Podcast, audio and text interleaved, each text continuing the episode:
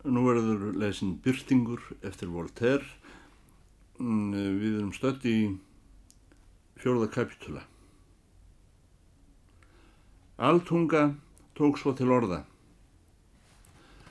Ó, Byrtingur minn góður, þér munið eftir henni biskupsfýblu, laglegu fylgismenni greifinjunar okkar hávilbornu. Í hennar örmum lífiði ég þær dásendir sælu staðarins, sem kölluði yfir með þessi heljar kön. Hún var nefnilega smítuð og líklegir um dáin.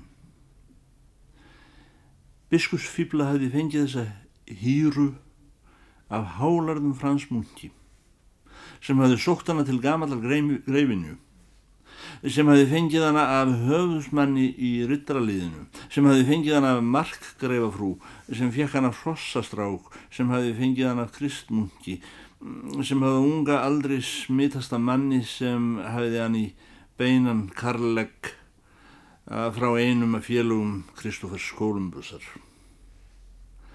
Aftur á móti það er enginana af mér því er döðans matur. Æ, alltunga minn góður, saði Byrtingur, að tanna var nú ljóta ættartalan. Er ekki djöfullin sjálfur ættfæðurinn? Fjari fyrir því, saði hinn mikli maður. Þetta er ekki enn óhjákvæmilegu hlutur í hennum besta allra heima. Nauðsynlegur þáttur. Því hefði Kolumbus ekki farið til Amríku og fengið hann sjúkdóm sem eitrar þjóðina niður í rót og meira að segja hindrar hana frá því að verða til en það ber sínlega anstæðið leitin náttúrunar. Þá myndum við aldrei hafa fengið súkulæðið niður kanilin. Og því má heldur ekki gleyma að þessi sjúkdómur er einn af sérkennum okkar megin lands eins og guðfræði deilur. Tyrkir, indverjar, persar, kymverjar, síamsbúar og japanar. Þekkja ekki þessa veiki. Ekki en þá. En þó er gild ástæða fyrir hendi að þeir kynnist enni einni áður en margar aldir líða. En í byli hefur sjúkdómnum orði stóru vel ágengt voru á meðal sérstaklega í hinnum stóru herjum sem, sem eru samsettir af þessu hraust og vel upp alltaf málalíði og ákveða örlög ríkjanna má fullir það þar sem 30.000 menni í orustuði að marga séu hérumbil 20.000 sárasóttar gemsar hórum eigin. Já, það er ekkit ásamlegt, saði Byrstingur, en hvað sem tautar, þá verður nú að lækna yður. Hvernig má það verða, saði Altunga. Ég á ekki græna neyri, elsku vinnur, og þó maður þar um víða veröld er hver ekki hægt að láta vekja sér blóð nýja setja sér pípu án þess maður borgi sjálfur fyrir sig eða það einhver annar. Við þessa ræðu tók Byrtingur ákvarðun sína. Hann kastaði sér að fótum sínum óösna kærleiksmanni Jakobi og reyndi að gera honum sem glegsta mynd af því hvar komið væri högum vinarsins svo mann greið sá sér ekki hann að sína en taka við doktor Altungu hann er læknan á sinn kostnað. Altunga e, misti ekki við lækninguna nema annað augað og annað eirað hann skrifaði vel fyrir sig og var vel að sér reikningi. Jakob Óausni leta hann halda fyrir sig bækurnar. Eftir tvo mánuði þurfti hann að skreppa til Lissabonar í verslunarerundum og hafði með sér á skipinu þessa tvo heimsbygginga. Altunga útskýrði fyrir honum hvernig allir hlutir voru betri en góðir. Ekki fjálst Jakob á þessa skoðun. Mennin hljóta saði hann að vera eitthvað spiltir á náttúrunni því ekki eru þeir fættir úlvar þó þeir hafi orðið það. Ekki gaf drottin þeim 24 punda fallbissur til að tortíma hver öðrum. og ekki má gleyma gjaldþróttónum þar sem skiptarétturinn sálsar undir sig eignir gjaldþrótamanna til að snuða þá sem eiga inni í búinu. Allt þetta er óhjókvæmilegt, svarði doktorinn einæði. Og engaslýs skapa velgengni almennings. Því fleiri engaslýs þeimun meiri almenn velgengni. Meðan að vera rögleiða dimdi lofti. Vindur tók að blása af mörgum áttum í senn. Og um það bíl sem þeir sáu Lissabon álengdar var lostið á fárviðri. Fymti kapitúli Fárviðri, skipbrot, jarðskjálti og það sem kom fyrir doktor Altungu, Byrsting og Jakob hinn óausna. helmingurinn af farþjónum var rænlaus vegna þeirrar óheirilegu skjelvingar sem veldingur og skipi veldur bæði í taugum og vessum líkama sem skeikinnir í ymsar áttur gegn vilja sínum. Svo fólkið hefði ekki einu sinni vit á að setja sér fyrir sjónir þá hættu sem vofði yfir. Hinn helmingurinn æpti og gæli bæn sína, seglum úr ripnur möstrin brotin, leki komin að skipinu. Einhverjir voru eitthvað að puða, en það heyrðist ekki mannsins mál og öll skipstjórn var hætt. Hinn óaustni reyndi að hjálpa svolítið til, hann var upp á þiljum. Reyður sjómað barði hann óþyrmilega svo hann fjall endilangur á tilfærið, en högg sjómannsins var svo kröftugt að hann stiptist sjálfur öfur fyrir borð. Hann náði þó taki á rafti og held sér þar. Öðlingurinn Jakob kom hann til hjálpar og tókst að innbyrða hann en við það verk hrakk hann sjálfur útbyrðis fyrir augunum og sjómanninum sem datt auðvitað ekki hug að líta í áttina til hans hvaða veldur hjálpunum. Byrstingur kom þar að, sá vini sínum skjóta upp rétt í svip og fara síðan á kaff fyrir fullt og allt. Hann vil þá kasta sér útbyrðis á eftir honum. Heimsbyggingurinn aldunga kemur veg fyrir það með þessum vortölum að leiðin til Lissabonar hafi verið sköpuð í þinn tilgangi að sá óausni mætti drukna þar. Meðan að var að sanna þetta a priori, gleðnaði skipið sundur og allir fórust utan aldunga, byrtingurinn og sjómannsfjandin sem hafi drekt hinnum óausna digðamanni. Dónin sint í land, hins sprækasti, en þeir alltunga og byrtingur björguðust í land á flega. Þegar þeir höfðu ránkað alls sæmilega við sér, lögðu þeir á stað fótgangandi til Lissabonar.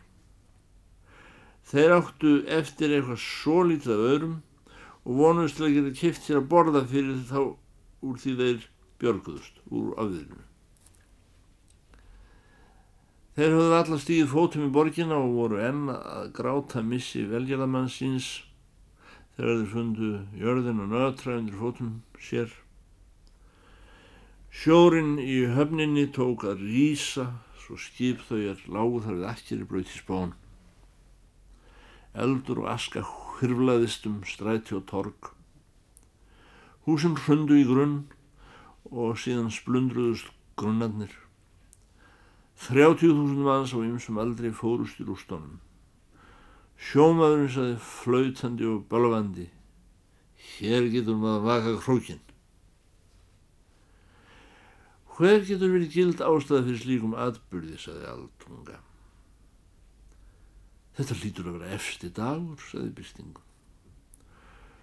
Sjómaðurinn var strax fann að snuðra í rústónum, hætti lífi sínu í vonum að finna peninga, fann þá, stakk þeim á sig, fór á fyllir í og þegar hann var búin að sofa úr sér flýtti hann sér að komast á kvenna þar einhverstaður í rústónum innan um dauða menn eða fólk sem var ekki upp andan. En allt hunga kipti í ermin á hann og sagði, heyri þér vinnur, þetta líst mér ekkert á. Þér eru ekki samræmi við alheimskynnsemina. Þetta er ótímabært starf. Þar í helvíti, saði hinn, ég er sjómaður og fættur í Batavíu. Ég hef trafkað fjórum sinnum á Róðukrossi í fjórum ferðum til Japans. farðu fjandans til með alheimskinn sem minna þína. Byrstingur hafi særst dálit á grótflög. Hann lág í götunni dísjaður undir braki. Hann sagði við alltungum. Ó, reyndu nú að útvöga mér svolítið af víni og ólíu. Ég er að deyja. Þá svarði alltunga. Svona jarðsjált er engin nýjung. Borgin Líma í Ameríku varð fyrir samskonar hristingjum árið, sömu orsækir, sömu aðliðingar. Það hljóta verið einhverjar brennistins taugar neðanjarðan mitt í Lissabonur og Límu. Ekki það líklar að sæði byrstingur, en í Guðspænum gjafi mér svo lítið af ólí og víni. Líklar að hvað áttu við, svarði heimsbyggingurinn. Ég held því fram að máli sé sannað. Byrstingur misti meðvitundina og alltunga færði honum vassopa og nálagum brunni. Dægin eftirfunduður einhverja matarglitnu þegar þeir voru að reyka um rústinnar og restust aldrei það.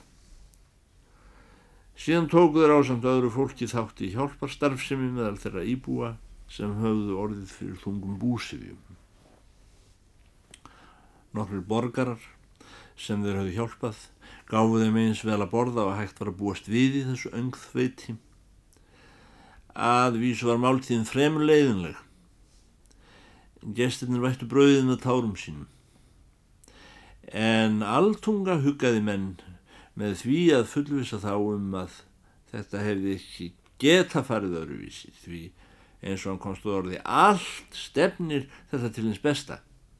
Fyrst það er nú einu sinni eldfjall hérna í Lissabon. Þá getur fjallið ekki verið annar staðar. Því engin hlutur getur verið annar staðar en það sem hann er. Því allt er gott. Lítill maður dökkur Embætsmaður rannsóknaréttinum sem satt við hlýðhans tók kurtislega til orða og meldi. Það er auðhert að þessi herra trúir ekki á erfðasindina. Því ef allt miðar til hins besta, þá er horki til hrösun niður refsing.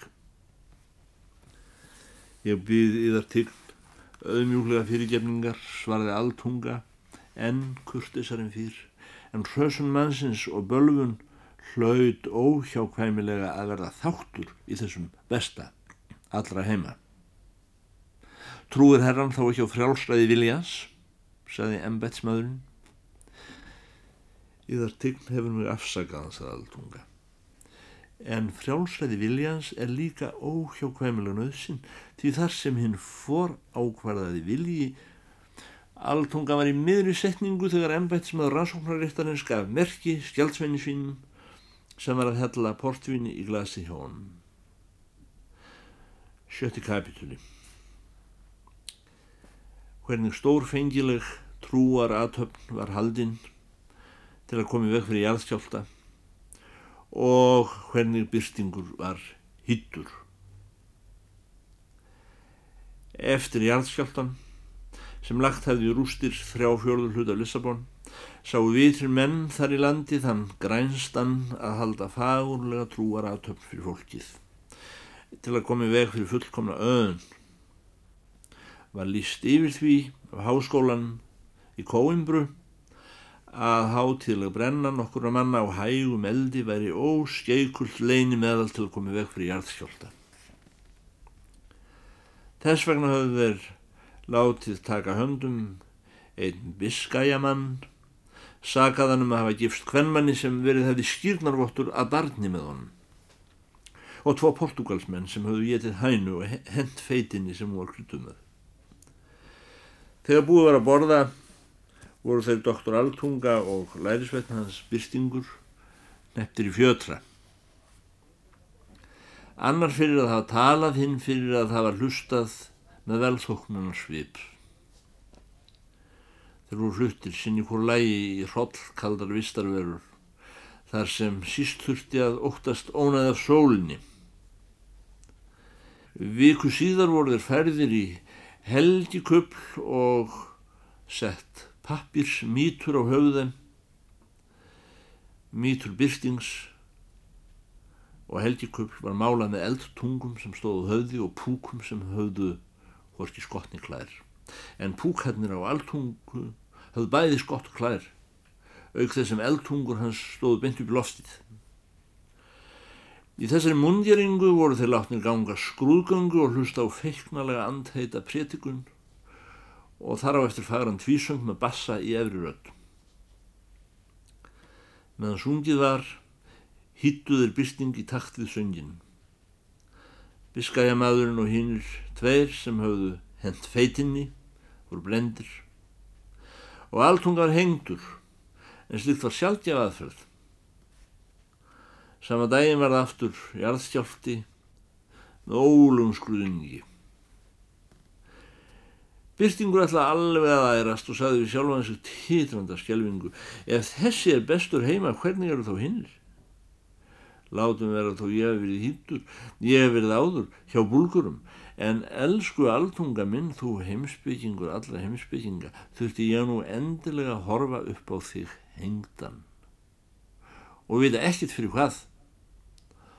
Ó, elsku, ó, ösni, sómamadurinn minn, þurftir þú endilega að drukna í þessari höfn. Ó, fröken kúnigund, perla meðal hvenna. Þurftu þið nú endilega að holrista þig. Hann leitt upp en gatt varla haldið sér uppréttum eftir predikun og vönd, syndakvittun og blessun og sá þá hver kellingeinn kom til hans, svo segjandi. Svonur góður, herðið upp hugan og komið með mér. Sjöndi kapitúli. Um það, hvernig gömul kelling tók byrsting að sér og hvernig hann hitti aftur þá sem hann unni. Virting óks að vísu ekki kjarkur, þó eldi hann kjellinguna til reysis hennar. Hún fekk honum smyrslabuðk að nutta sig upp úr og veitt honum mat og drikk. Síðan vísaði hún honum til þokkalarar sangur. Það voru fötanda honum hjá rúminu. Etið, drekkið og sofið, sagði hún við hann. Og ég byð voru að frú af attokku, minn herra heilagana Antonius frá Padua og minn herra heilagan Jakob frá Kompostellu að geimaður. Ég kem aftur á morgun. Byrstingur alltaf jafn hissa á því sem fyrir hann hafi búið og því sem hann hafiði orðið að þóla og þó mest hissa á góðsemi kellingar ætlaði kissan á höndina. Þetta er ekki svo hann sem ber að kissa, sagði kellingin. Ég kem á morgun aftur, nutið þér yfir upp úr smyslunum, fáið þér yfir að borða og farið þér síðan að sofa. Byrstingun létt sér þetta kenningu verða, trátt fyrir öll slísin. Dægin eftir færði kelling honum árbít, aðtúða honum hrygginn, nuttaði hann sjálf upp úr öðru smysli, síðan bar honum miðdegisverð. Um kvöldi bara honum kvöld mat. Dægin þar og eftir endur tók sig allt þið sama. Hver eru þér? var bystingur alltaf að spyrja hana. Hver hefur imblásið yður þvílikri góðvild? Hvaða greiða get ég gert yður? Blessu konan svarað aldrei neinu. Hún kom aftur um kvöldið en hafi þá engan kvöldverð meðferðis. Komið með mér, sagði hún og mælið ekki orð. Hún tók hann við hönd sér og leiti hann sem svaraði fjórðung mílu upp í sveit. Þau komað einmann á húsi sem var umkringt, görðum og síkjum. Kjelling barði dyrum ennum litlum. Það lokið upp. Hún leiti byrting með sér upp leinistiga inn í gilt herbergi, skildi hann eftir í gullsaumunum bekk, lokaði dyrunum, fór. Byrtingur held sig væri að dreyma.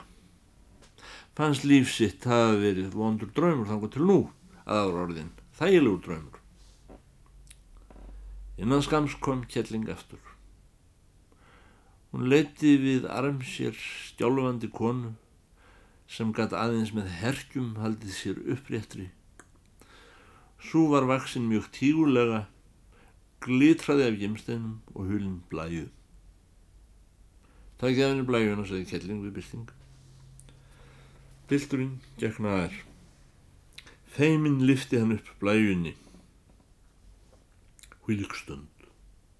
Hvílikt undur. Hann sá ekki betur en þar væri komin ung frú Kúnigund. Og það var engin missýning. Þetta var hún sjálf. Hún var þetta um megn, hann gæti ekki orði upp stunið, hann kastaði sér fyrir fæturinnar.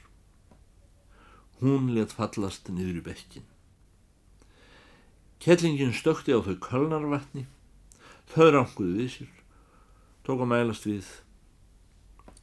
Það var í fyrstu aðeins stam, spurningar og svör sem fór á mísvíksl, andvörp, tár, upphrópanir.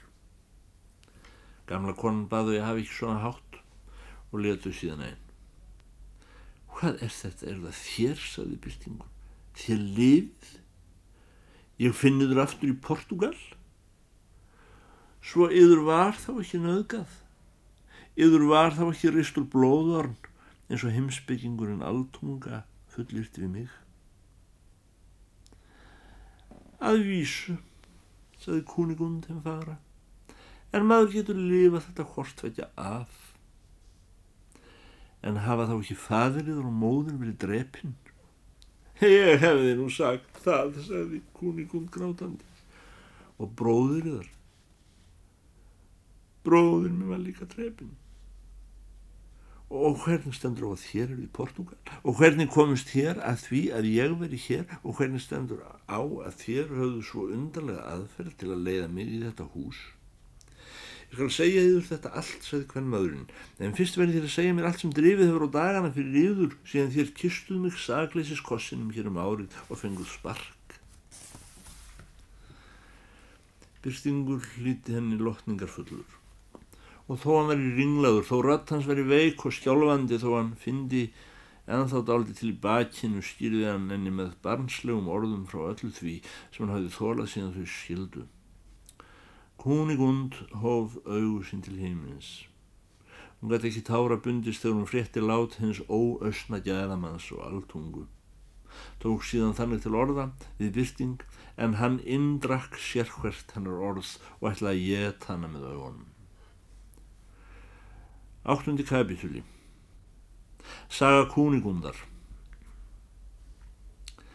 Ég var steinsofand upp í rúmi til Guði þók með þess að senda búlgara í fallega kastalan okkar í tundur den trong. Þeir skáru föðunum og bróður á háls og brítjuðum óður mín í smátt. Stóreflis búlgari, sex fett á hæð sem sá ég hefði liðið í ómegin, tók til að nauðga mér.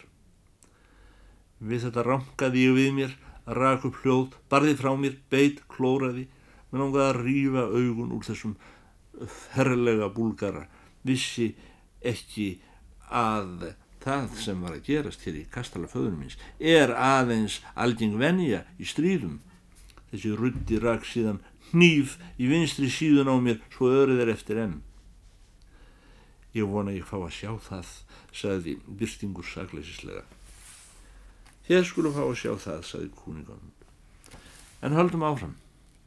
Haldið áfram sagði byrstingur síðan held hún áfram þessum fyrir og fráhórfið Þá kom inn búlgaskur höfðusmaður. Hann sá að ég var alblóðug og herrmaðurinn helt áfram að fara sínu fram. Höfðusmaðurinn varð bálreiður út af því virðingarleys sem þessi rutti síndi honum og drap hann í fangin á mér. Síðan let hann binda um mig og hafiði mig með sér fanga í herstuð sína. Ég strykjaði þessar fáuskiltur sem hann átti og var í eldúsinu hjá hann og honum leist vel á mig, ég verði að segja það eins og það er og um, ég neyta því ekki að hann var mjög velvaksin og mjúkur og hýtur og hörund en, en hann var ekki andríkur og lítill heimsbyggingur. Það fannst á að hann var ekki uppalinn hjá doktor Altungun. Eftir þrjá mánuði þegar hann var búin að tapa penningunum sínum og orðin leiður á mér, seldi hann með gýringi einum Don Ísakanafni sem var í kaupferðum millir Hollands og Portugals og saður tölvört upp á kvennhundina. Þessi gýringur hendist mikið að mér en hún var lítið ágengt. Ég hæði betur við honum en búlgarska hermannum. Það er hægt að nauðga hiðvirdri konu einu sinni en slikt gerir ekki annað en stæla hana í dýðinni. Þessi gýðingur fór með mig í þetta sveitahús til þess að temja mig.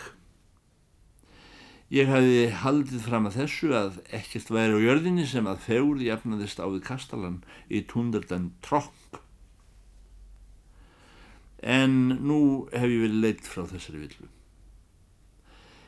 Yfirdómarinn í rannsóknaréttinum sá mig einu sinni kirkju, hann einblindi á mig gegnum lonéttunar og gerði mér orð að hann þyrst að tala við mig lendarmál. Það farið með mig til hans í höllina. Ég sáð hann mætt mína. Hann setti mér fyrir sjónir hver mjög það væri undir virðingu minni að vera í tíu við júða. Af hans hálfuð var stungið upp á því við Don Ísak að hann leti mig eh, signornum eftir. Don Ísak sem er hyrðbankastjóri og mikill lánardrottin vildi ekki heyra það nefnt. Rannsóknardómin hótaði honum þá trúaratöfna öðrum kosti. Loksins varð hýðingurinn minn að láta undan og gera samning um helmingafélag á móti rannsóknardómarann um mig og húsið. Átti nú hýðingurinn að hafa mánudagana, miðugudagana og sabbatstægin en rannsóknardómarinn átti að hafa hinadagan í vikunni. Þessi sáttmáli hefur nú verið gildi misseri. Reyndar hefur ekki allt gengið þrauta laust því það hefur stundum orðið ágrænansmál hvort aðfara nótt sunnudagsins tilherið gamla eða nýja testamentinu. En að mér er það að segja að ég hef hingað til verið treg við báða og ég held að einmitt þess vegna elskiður mig enn.